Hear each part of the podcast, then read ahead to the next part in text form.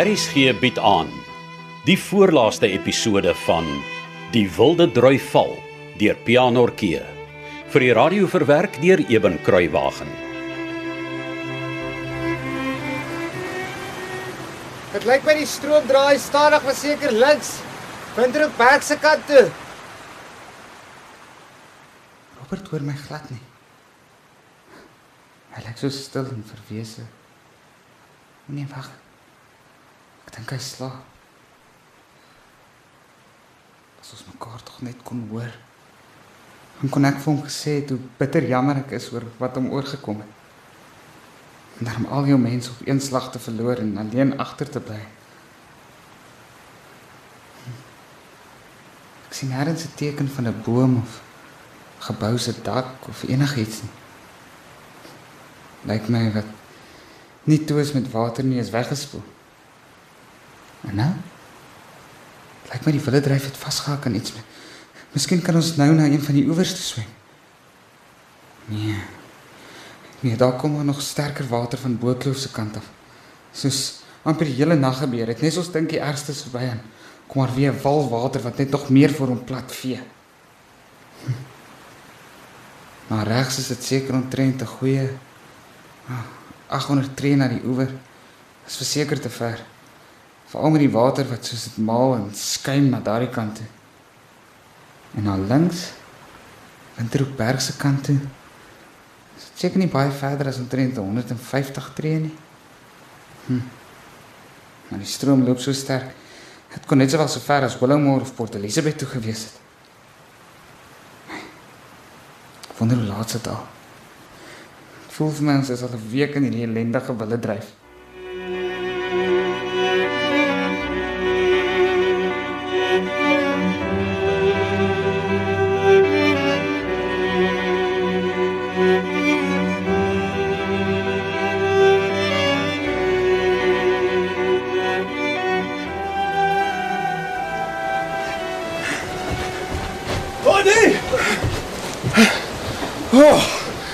Mr. Willie Smith, I'm so glad to see you.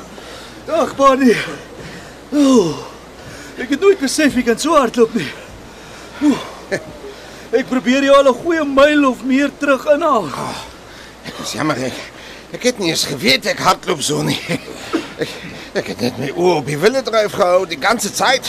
Und natürlich bin ich gefallen und so weiter, maar ek kon nie dat 'n paar skrape stampe my keer nie.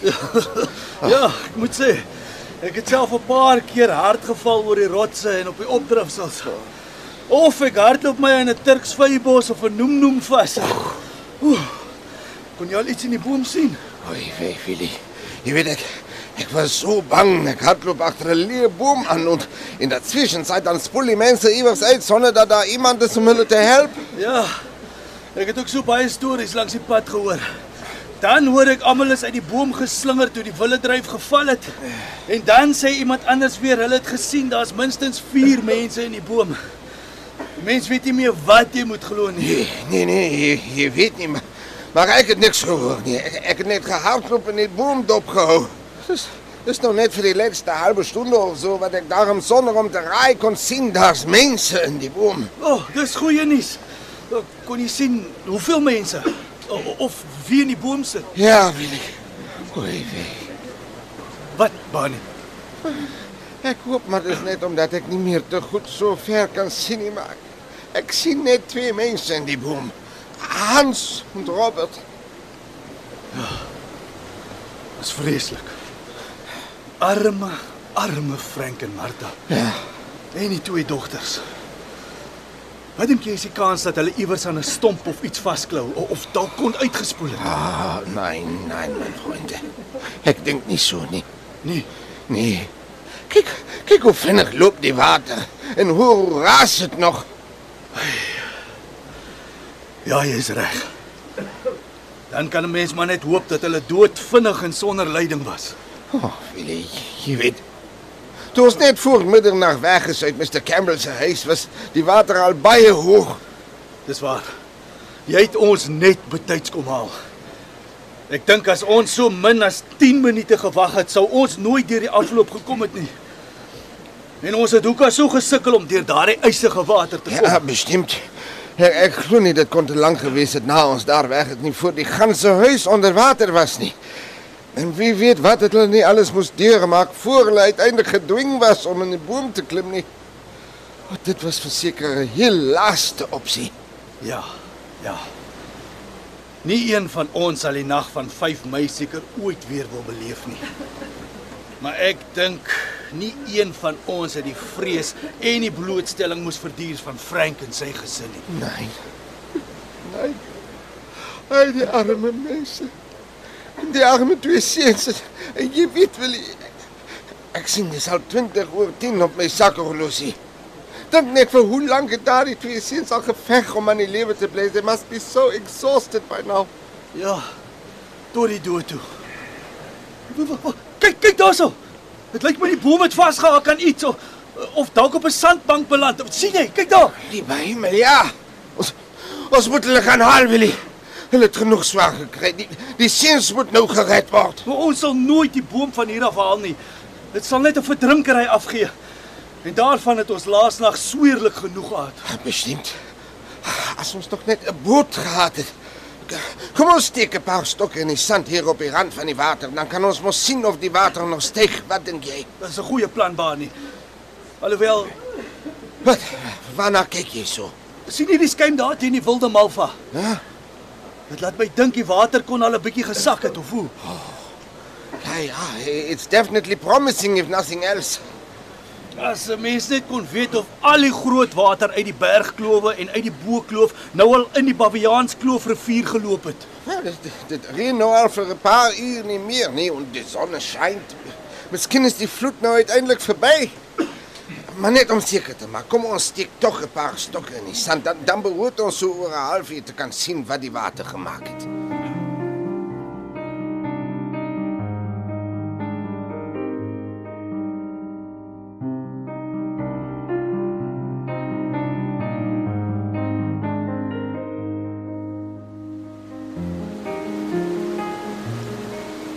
Ek dink ons vorder Barney. Ja, genau. Ja, die water is definitief aan die sak. En as dit so aanhou en die boom kom nie los of keer om nie, dan kan ons Hans en Robert later gaan haal. Uh, wanneer later? Maar sodra die water nie meer so sterk loop nie. O, oh, ek hoop die seuns het nie seer gekry nie.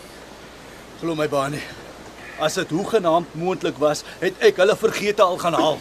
If I only knew whether my boys were all right. Ek het hulle baie hard gemaak vir die boks en die konsert, jy weet. Hulle het gewerk soos professionals.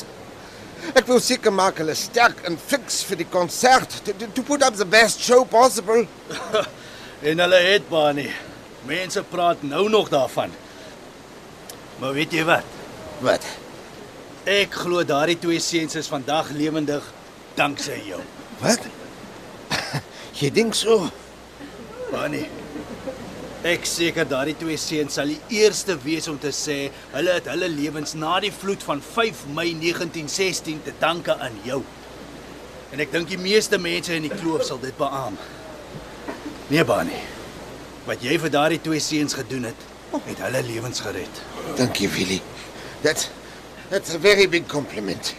Nee, nee, nee, dis nie 'n kompliment nie, Barney. Dis 'n feit. Ons almal het gedink jy het die seuns baie goed gebrei vir 3 rondes in 'n bokskryt in 'n skoolkonsert. Maar eintlik was dit hiervoor. Vir hierdie verskriklike vloed. En wie weet, as omstandighede net 'n bietjie meer in hulle guns was, het hulle dalk almal in daardie huishouding gered. Ja. Ja, dit is waar. Ah, as Mr. Campbell tog net na my wou luister.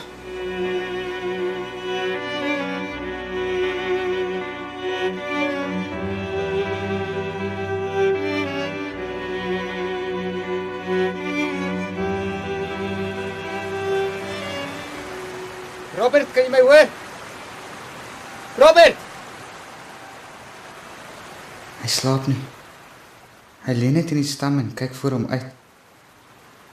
Ek wonder of hy ooit iets sien of hy aan iets dink. Hy moet seker baie hartseer wees. As ons nou eers van hierdie simpel ou boom kan afklim. Nee. Dis nie 'n simpel ou boom nie, dis dis God se genade die. Dis nie was vir hierdie wonderlike ou boom nie. Nie een van ons bly lewe nie. Buitendien. Die ou wille dryf gaan nou moet ophou lewe sodat ons kan lewe. Ek en Robert. Hm. Wonder of Koos hierdie vloed oorleef het en Roltwak en ou Betta. Hoe gaan ons nou maak met die skool? Flossie. Hm. Ek kan dit nie vir myself sê nie. Flossie. Sy kan nie meer vir die kleintjies skool hou nie. O, frek. Die skool is seker ook plat. Ek wonder wat hulle gaan maak vir 'n skool. Dalk sal ek moet terug gaan Hoekplaas toe. Dan kom bly Robert by ons. Hm.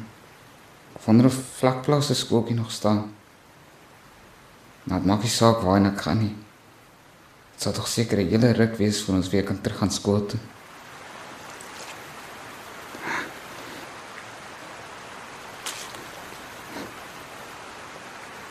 Se briefie versigtig uithaal dat die papier nie skeur nie.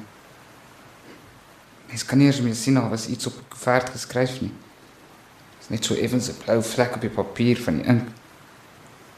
Ek wonder of ek die brief nog sou kan lees. En of dit ook net as 'n blou vlek op die papier geword het. Ek kan nie wag om die koevert te probeer oopmaak nie. Maar weer versigtig onder my hemp bære. Eers as die papier eendag behoorlik droog is, sal ek probeer kyk of daar nog iets van my ma se brief oor is. Wonder wat maak my ma hulle Hulle seker ook maar bekommerd. Ek wens kon hulle net laat weet ek's hier. Miskien sal dit help as ek skree. Ma! Pa! Julle almal ek sien. Ek lewe, ek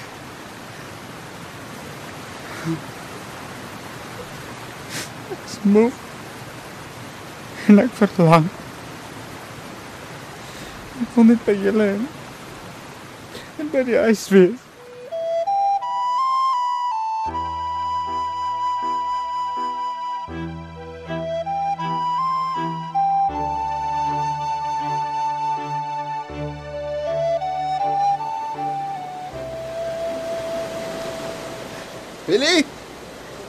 Het ek my dit net verbeel of het een van die seuns uit die boom vir ons geskree?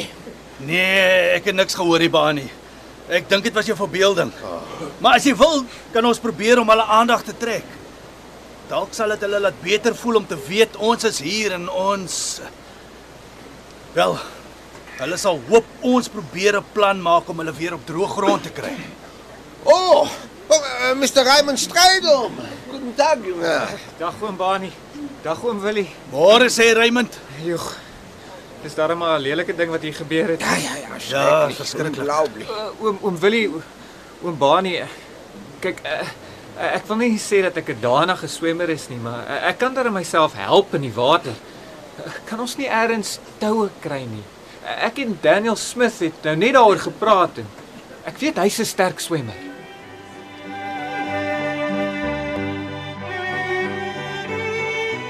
Dit was die voorlaaste episode van RSG se middagvervolgverhaal Die Wilde Drui Val deur Pian Orkee wat vir die radio verwerk is deur Eben Kruiwagen. Die boek is in 1982 uitgegee deur Tafelberg Uitgewers. Die produksie word in Kaapstad opgevoer onder regie van Joni Combrink en tegnies en akoesties versorg deur Cassie Lauers.